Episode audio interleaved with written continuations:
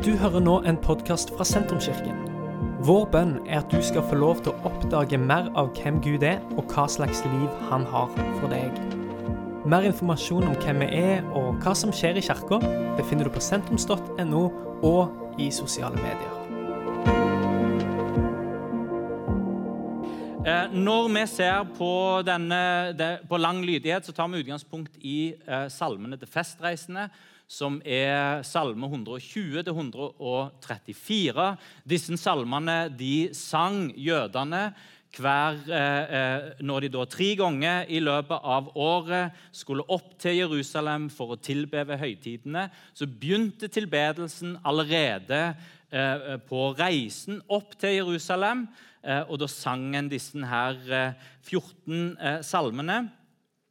Eh, og hver av disse salmene har viser ulike sider ved, eh, eh, ved en etterfølger sitt liv, og viktige sider ved det å tro på Gud og det å følge etter Jesus. Og I dag skal vi snakke om at Herren gir hjelp. Eh, I 1999 så Høsten 1999 så var meg og min far tre uker i Makedonia. Vi hadde vært der den sommeren. Der var flere unge mennesker som hadde kommet til tro. Eh, jeg var fascinert av eh, landet.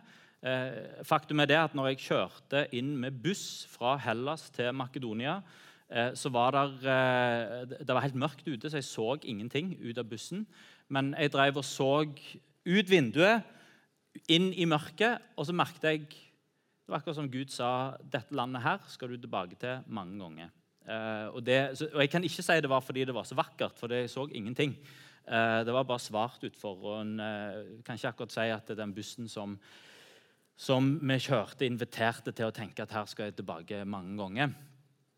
Så hadde vi en fantastisk sommer der. Der skjedde masse. og Min far hadde lyst til å dra tilbake og være der over lengre tid og spurte om jeg hadde lyst til å være med. og det hadde jeg kjempelyst til, Vi var der i tre uker. Eh, I løpet av den treukesperioden eh, skulle vi fra hovedstaden og vi skulle opp til en mindre by der vi hadde vært om sommeren, og der det var så mye som 20 unge eh, makedonere som hadde kommet til tro. Vi skulle opp og besøke disse. Eh, og Vi bestemte oss for å ta turen via fjellene og innom en litt mindre by hvor det var en liten gruppe av kristne som møttes i et hjem, og vi skulle besøke disse. Eh, så, eh, og vi fikk en sjåfør som skulle kjøre oss der. Han hadde nettopp fått lappen. Eh, og han var veldig fornøyd med nettopp å ha fått lappen. Og han hadde sjøltillit som en ekte Balkanmann og var helt 100% sikker på at selv om han bare hadde hatt lappen i et halvt år, eller et år, eller hvor lenge det var, så eh, kunne han kjøre som Martin Skanke. Eh, og For de som ikke kjenner Martin Skanke, så er det en eh, gammel norsk mann som drev med rallycross. Eh, og det gjorde han. Han kjørte opp over fjellene. Eh, jeg var ikke så redd, for eh, jeg har vært i India, og der kjørte de omtrent sånn der òg. Men min far var livredd og, og hadde lyst mange ganger til å si ifra at dette her er jeg ikke med på. Så, han, han, han, kjørte forbi biler i svinger. Og kjørte forbi lastebiler i, sving, på, i, svingete fjellvei. Og det var en trafikkerte, svingete fjellvei, så det kom biler imot. Og dette, her, dette pågikk ganske lenge. Og til slutt så gikk det gale. Han kjørte forbi en lastebil i en enorm fart. Og det kom lastebil i, i en sving. Det kom lastebil i motsatt ende eh, mot oss. Og han klarte Han kunne ikke stoppe. Han måtte bare, eh, han måtte bare trø på gassen og eh, komme seg forbi. Og klarte å hive bilen inn til sida før at eh, lastebilen som kom i motsatt kjørefelt, eh, før, den, eh, før han traff den front til front. Ehm, og fikk jo da sleng på bilen. Og dette er en svingete fjellvei med, der det eh, er bratt på den ene sida, og så er det bratt ned på den andre sida. Eh, så han får sleng på bilen sin. Eh, og da gjør, han, da gjør, han, det som du ikke skal gjøre når du får sleng på bilen. Han hogg foten ned på bremsa, Og Da begynte jo bilen eh, å bremse, eh, og det gjorde han skikkelig òg. Hjulene bare låste seg. Eh, og Jeg har vært og sett der oppe etterpå. Der er fortsatt, 20 år etterpå så er det sånne svarte eh, gummimerker nedover akkurat der som, som, eh, som vi kjørte. Eh, og da, eh, da er det jo ikke styring på bilen. Den går rett fram. og bilen går rett fram, og, og veien tar en sving. Og i det øyeblikket der så eh, tenker vel alle vi som er fem stykker som sitter i bilen, alle vi tenker nå er det ferdig. Nå, nå dør vi. Eh, for rett foran oss så er det bare grønt. Det er bare en grønn vegg. Og vi vet at bak den grønne veggen så er det, eh, så er det et stup. Eh, så jeg sitter i framsetet. Sjåføren, min far, er bak med et eh, ektepar, ektepar, kristent ektepar fra Kosovo som skulle være med oss på denne turen. Eh, og i det med Jeg tør ikke si hvor stor farten var, men den var, den var stor. I det øyeblikket vi, vi fyker ut av For det, vi, vi flyr ut av veien så roper, så roper hun eh, Hava, som hun heter, bak.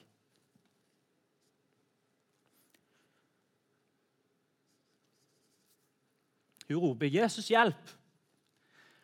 Og Jeg kan ikke forklare det på en annen måte enn at det, det føltes som om det, det, er helt surrealistisk. Det føltes som om det var ei hånd som bare tok eh, bilen, og nesten parkerte den eh, nede med elva. Eh, det var mange meter ned. Det var ei elv nedi der. Eh, bilen landa i elva. Smukk. Eller vil si halvveis ut i elva. Eh, sånn, I det naturlige så kan en jo forklare det med at bilen traff, bilen traff et tre. Ikke midt på, da hadde det vært ferdig, men, men på sida. Eh, og fikk en sånn karusell, eh, sånn karusellsnurr som gjorde at den ikke, ikke fikk nakkesleng. og ikke, eh, så, så bilen, Det var som å være i Kongeparken og så være i en av disse, her, eh, en av disse her karusellene. Eh, så det eneste som, altså Jeg tåler ikke sånn karusell, så det eneste som skjedde med meg, det var at det var litt karusell eh, og, og, og litt surrete i hodet. Hadde ikke vondt noen plass. Ingen, far hadde litt kutt over øynene. Så det, det, 'Oi, du blør.' Ja, hopp, hopp, nå i det', sa han. Vi, vi lever. Og Vi var fem stykker som krabba ut. Fire av de som satt i Det var ikke sikkerhetssele eh, eh, i, i baksetet. Og sjåføren eh, tenkte òg at han ikke trengte sikkerhetssele. Så det var bare jeg som hadde sikkerhetssele på. Vi krabba ut fem stykker. Eh, ikke bare var vi levende, men eh, det var ingen knekte bein, det var ingen skader. Eh, og når vi kom opp til veien, så sto lastebilsjåfører der. og de, de, de hadde jo stått bilene sine, og de sto jo og korsa seg. Uh, og trodde, de, uh, jeg fikk høre etterpå de trodde at vi var helgener. Eh, fordi når de så hva som skjedde med bilen vår, så var de sikre på at vi var døde. Og så kom alle fem krabbene opp der. Så, Oi, det må uh, uh.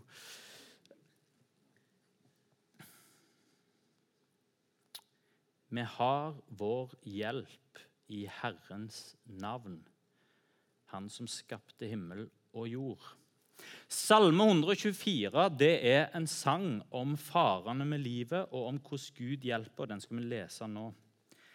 En sang ved festreisende av David. Hadde ikke Herren vært med oss, skal Israel si, hadde ikke Herren vært med da mennesker reiste seg mot oss, så hadde de slukt oss levende. Da vreden deres flamma opp, så hadde vannet skylt over oss, flommen strømma over oss, så hadde det deilige vannet strømt over oss. Velsigna er Herren som ikke ga oss til rov for deres tenner. Vi slapp fri som fuglen fra jegerens snare. Snaren røk, og vi slapp fri. Vår hjelp er i Herrens navn, Han som skapte himmel og jord. Og hør, Det første som jeg har lyst til å si her, er at vi trenger Guds hjelp i en farlig verden. Eh, en løgn som vi har lært å stole på som, som, en sannhet, det er at verden er et ufarlig sted. Det er litt sånn skandinavisk tenkning. Med, eh, som skandinavere så er en eh, vokst opp i veldig trygge omgivelser. Og så tenker vi at det, verden, er, verden, er, trygg, verden, og hvis den ikke er trygg, den burde være trygg. Um, og, eh, og Det er mye fint i det. En lever i et tillitssamfunn. En har lært seg å stole på andre mennesker. En har lært seg å stole på systemet. En har lært seg å stole på teknologi, ikke minst. Ja, men altså, det er sjøl, selvkjørende biler. Selvsagt. Teknologien eh, kan jo ikke gjøre feil. Eh, ja, Stole på staten? Selvsagt. Staten tar jo ikke feil. Stole på andre mennesker? Ja, selvsagt. Vi har tillit til andre mennesker. Og Det er kjempefint med både tillit til teknologi, og tillit til system og tillit til mennesker, men vi må ikke la oss forlede til å tro at verden er et ufarlig sted, for det stemmer ikke.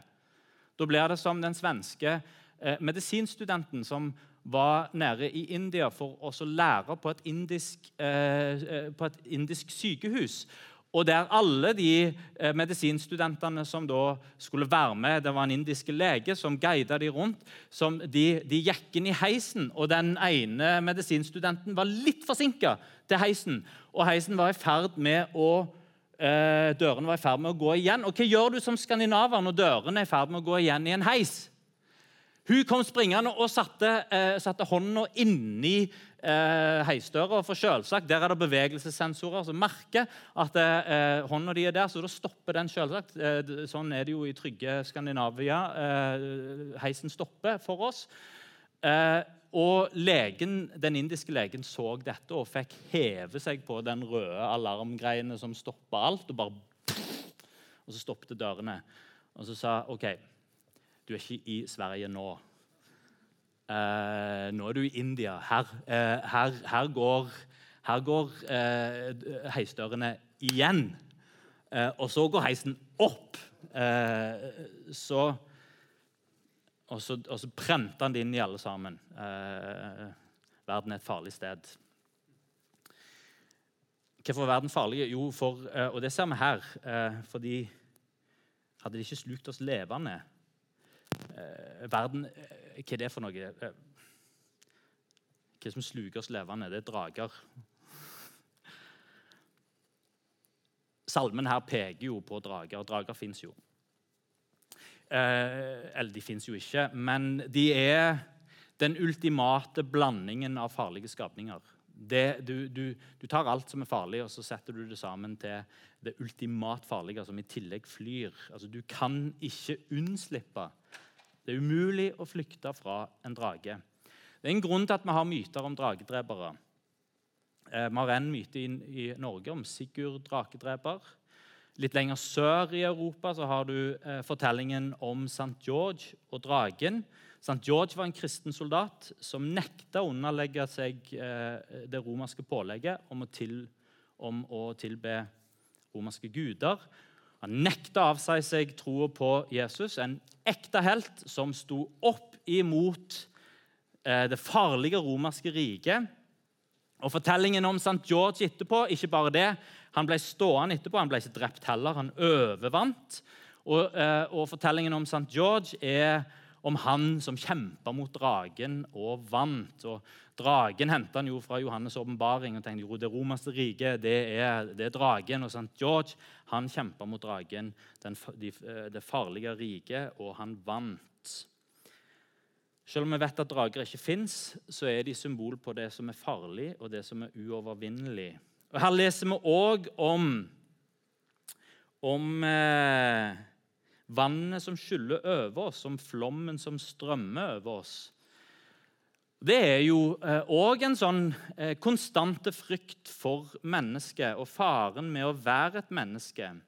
Eh, dette er skrevet i Midtøsten, og der er, far, der er faren for flom den er reell. For når det ikke regner på ukevis og månedvis, så blir bakken steinharde.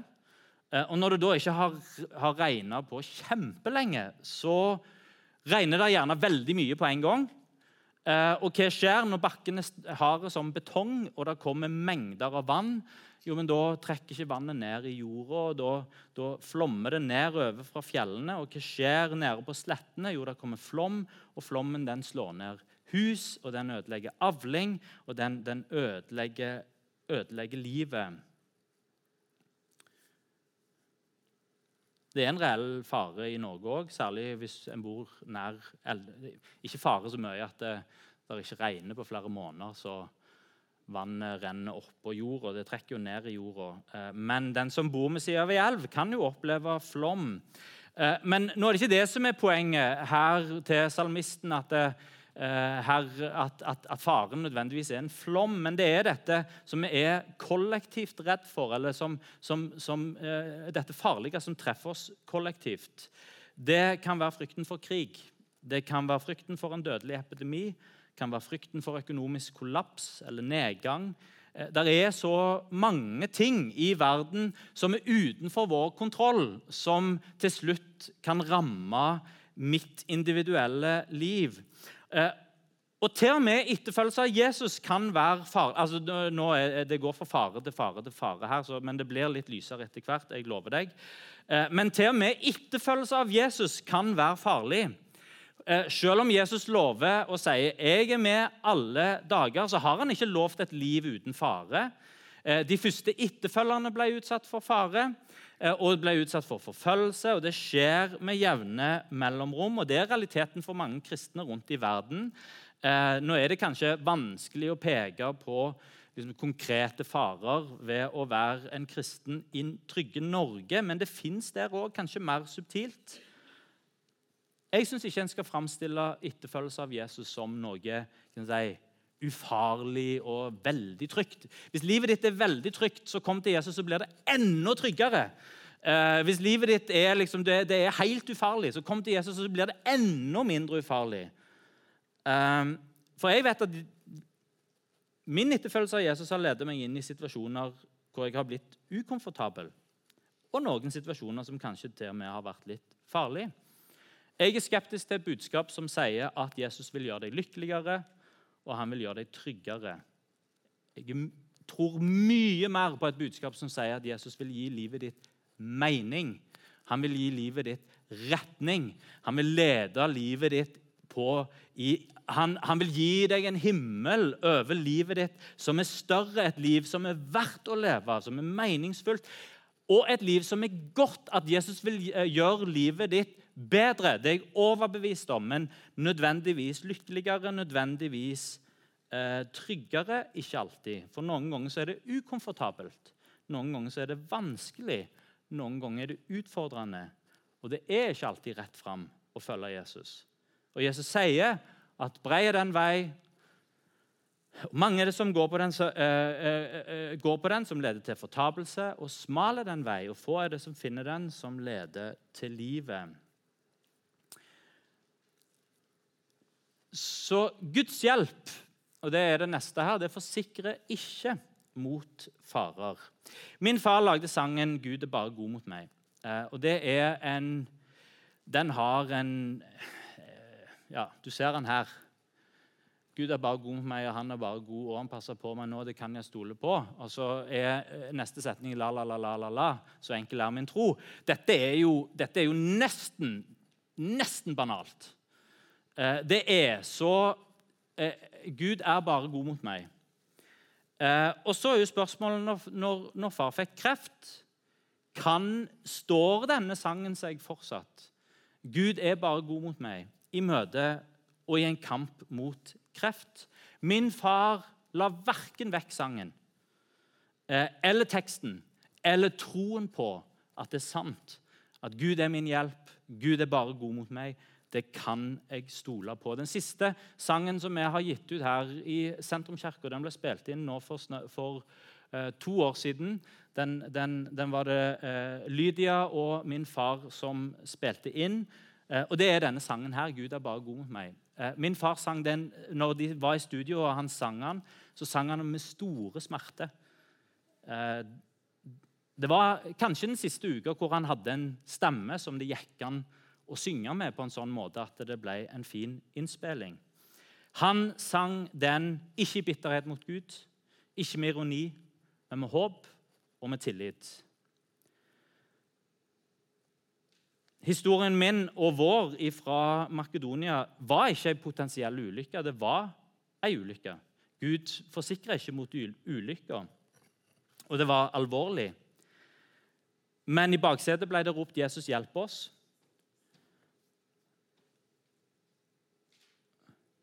Og når en går uskadd ut av den bilen, eh, så var det opplevelse ved at, at Gud hjelper og bærer oss gjennom dette. Ulykke skjer. og tro på Gud er ikke en forsikring mot fare. Um, og Vi ser òg gjennom Bibelen at Gud hjelper, men vi ser òg at det skjer dårlige ting med gode mennesker. Der skjer urettferdighet, der er krig, der er drap, der er sykdom, der er lidelse i mange former. Teologen Paul Scherer han sier det nesten litt brutalt. Han sier Gud er nesten utålelig likegyldig overfor kors og sverd, arenaer og skafott, overfor alle samfunnets farer og epidemier.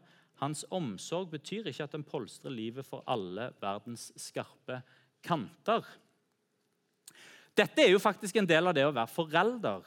Eh, en hjelper ikke barna sine om en aldri slipper de løs i verden.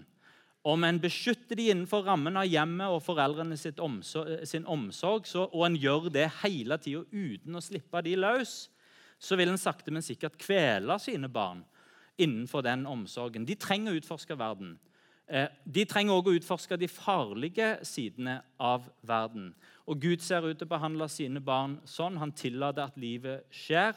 Det betyr ikke at det er Gud som sender ulykke og sykdom, men eh, Gud vet og at det, Gud har en hånd i alt som skjer, sånn deterministisk. At det, det, som skjer, det skjer, og det var Gud hadde en mening med det. Vi har vår frie vilje, og vi opererer vårt liv med vår frie valg innenfor eh, si, de forutsetningene som vi har fått. Men Gud tillater at livet skjer, både konsekvenser av valget vårt og at vi lever i en fallen verden der død, sykdom og ulykke har kommet inn.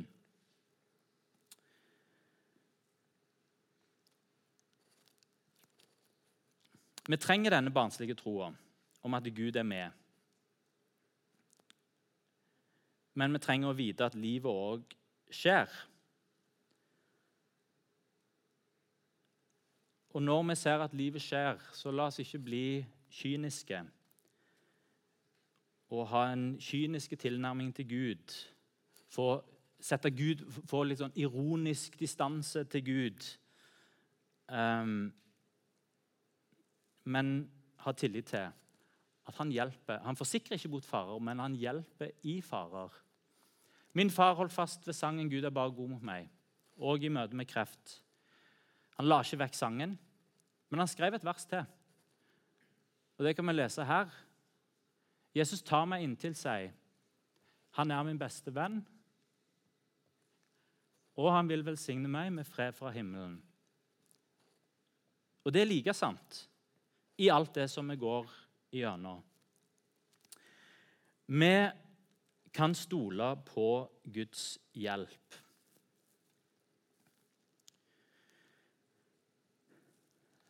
Guds hjelp er ikke en rettighet som vi har.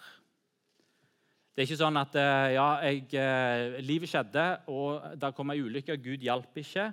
Eh, og, og, det gikk gale, og jeg kan levere inn en klage på at det, det, det skjedde ikke sånn som det skulle. Vi lever i denne her dobbeltheten av at både ulykker skjer, vi lever i en farlig verden, og at Gud hjelper. Og Problemet her er frykten, I frykten for å skape skuffelse så kan en la være å snakke om at Gud hjelper. For det, ja, Hvis en løfter fram at Gud, vi har vår hjelp i Herrens, i Herrens navn, så, og så skjer livet, og så skjer det ikke sånn som en tenkte, og så blir en skuffa, og så legger en vekk troen på Gud. Eh, eh, og eh, Gjennom det så kan en åndeliggjøre alle miraklene som, som, som, er, som, er, i Bibelen, og på en måte ikke det de er fortalt oss, for å gi oss en dypere forklaring. Eh, jeg tror vi skal løfte opp det, nettopp det at Gud bryr seg, og at han vil hjelpe oss. James Smith skriver om et pinsekarismatisk verdensbilde. Det inneholder en radikal åpenhet for Guds inngripen. At det går an å invitere Gud inn i alle aspektene av livet vårt. At ingenting er for lite, og ingenting for stort for Gud. Det vil med andre ord si at til og med i møte med dødelig sykdom så kan en be Gud om hjelp. Men det er ikke bare der. Men hvis en eh, trenger parkeringsplass når en skal ut og handle på lørdagskveld, nei, på lørdags eh, ettermiddag, og det er stappfullt på alle parkeringsplassene, så går det an å spørre Gud om hjelp òg i det. Ingenting er for stort og ingenting for lite til at vi kan involvere Gud og spør om hans hjelp. Denne tanken har som grunnlag at Gud bryr seg om hvordan du har det. Han bryr seg om huset som ikke blir solgt. Han bryr seg om konflikten på arbeidsplassen. Han bryr seg om hva som skjer i hjemmet ditt. Han bryr seg om utfordringene i klassen med, eh, med de som mobber. Han, han, han, bryr seg om økonomien vår, han bryr seg om helsa vår og det at en har blitt syk. Og han ønsker å gi det er hjelp. Jesus han sier, 'Bekymre deg ikke over hus og klær og mat'. Se på fuglene. Eh, eh, de bekymrer seg ikke, men se, de har det de trenger. Gud gir dem det de trenger til å spise. Se på, se på eh, blomstene. De bekymrer seg ikke, men, men Gud kler dem i de vakreste fargene. Den vanlige måten å se et mirakel på i vår moderne, moderne materialistiske, eh, litt materialistiske Ikke alltid materialistiske, men litt kanskje materialistiske verden. Det å tenke at Gud er klokkemageren. Eh, og Gud har lagd klokka. Og når klokka stopper, så må du ta den til klokkemageren. Og så ser klokkemageren på han, griper på en måte inn og pirker, og så setter klokka i gang. Og Det er jo ikke en helt feil måte å se et mirakel på. det. For Gud har skapt verden, og når det er noe som ikke fungerer, så kan vi spørre Han som er skaperen av alt, om han kan gjenskape uh, og, og, gripe inn i, uh, i livet.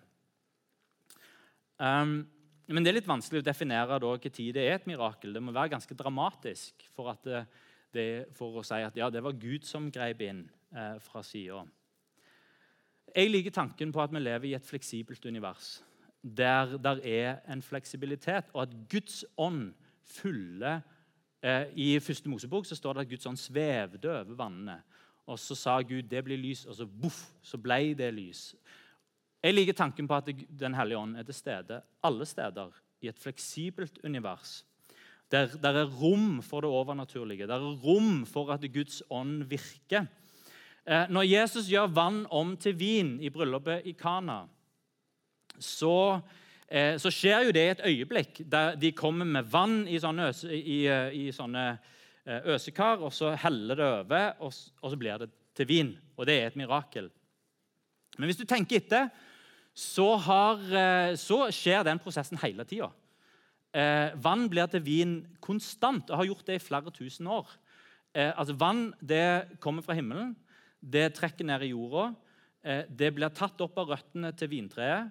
Det blir dratt opp i vintreet, og det blir dratt ut i eh, druene. Og det lander i vindruene. Vindruene blir plukket av eh, en bonde som henter inn alle disse her juicy vindruene. Og Hvis du gjør det på ektemåten, så, eh, så vasker en beina og så tråkker en eh, druene og får ut safta. Og så Når safta har kommet ut av druene, så setter en det til fermentering. og Så fermenteres det og så gjennom en prosess som går over lang tid. og det vet ikke jeg helt hvor lenge, men det er lenge, Så blir vann til vin. Så naturen driver på med dette. Men i et fleksibelt univers så kan Jesus komme inn og så kan han speede opp den prosessen. Sånn at det skjer i et øyeblikk. Vet du at Hvis, hvis, en, hvis en, kutter seg og begynner, det begynner å blø, Tenk hvis ikke kroppen helbreder seg sjøl. Altså, det, det, ville jo vært krise. Vi hadde ikke turt å gjøre noen ting. Eh, I det øyeblikket det er et lite kutt, så bare renner alt blod ut av oss. Bare, eh, en må ha på plaster, eh, og plaster må aldri av. En er livredde for hva som vil skje hvis at plasteret og, og, og blodet bare forsvinner ut av oss. Men det er jo ikke det som skjer. En, det helbreder seg sjøl. Hva som skjer når Gud helbreder syke? Det er at han, han, han, han speeder opp prosessen. Derfor er det noen ganger litt vanskelig å si. Når var det medisiner og leger, når var det Gud, og hva var hva? Ja, det kan hende det var litt av begge deler. og Noen ganger så er det så dramatisk at en bare vet her, her gjorde Gud noe ekstraordinært. Dette har mye å si for hvordan, å forstå at Gud virker, at Gud hjelper oss, òg på mirakuløst vis. Det har mye å si for hvordan vi leser Bibelen.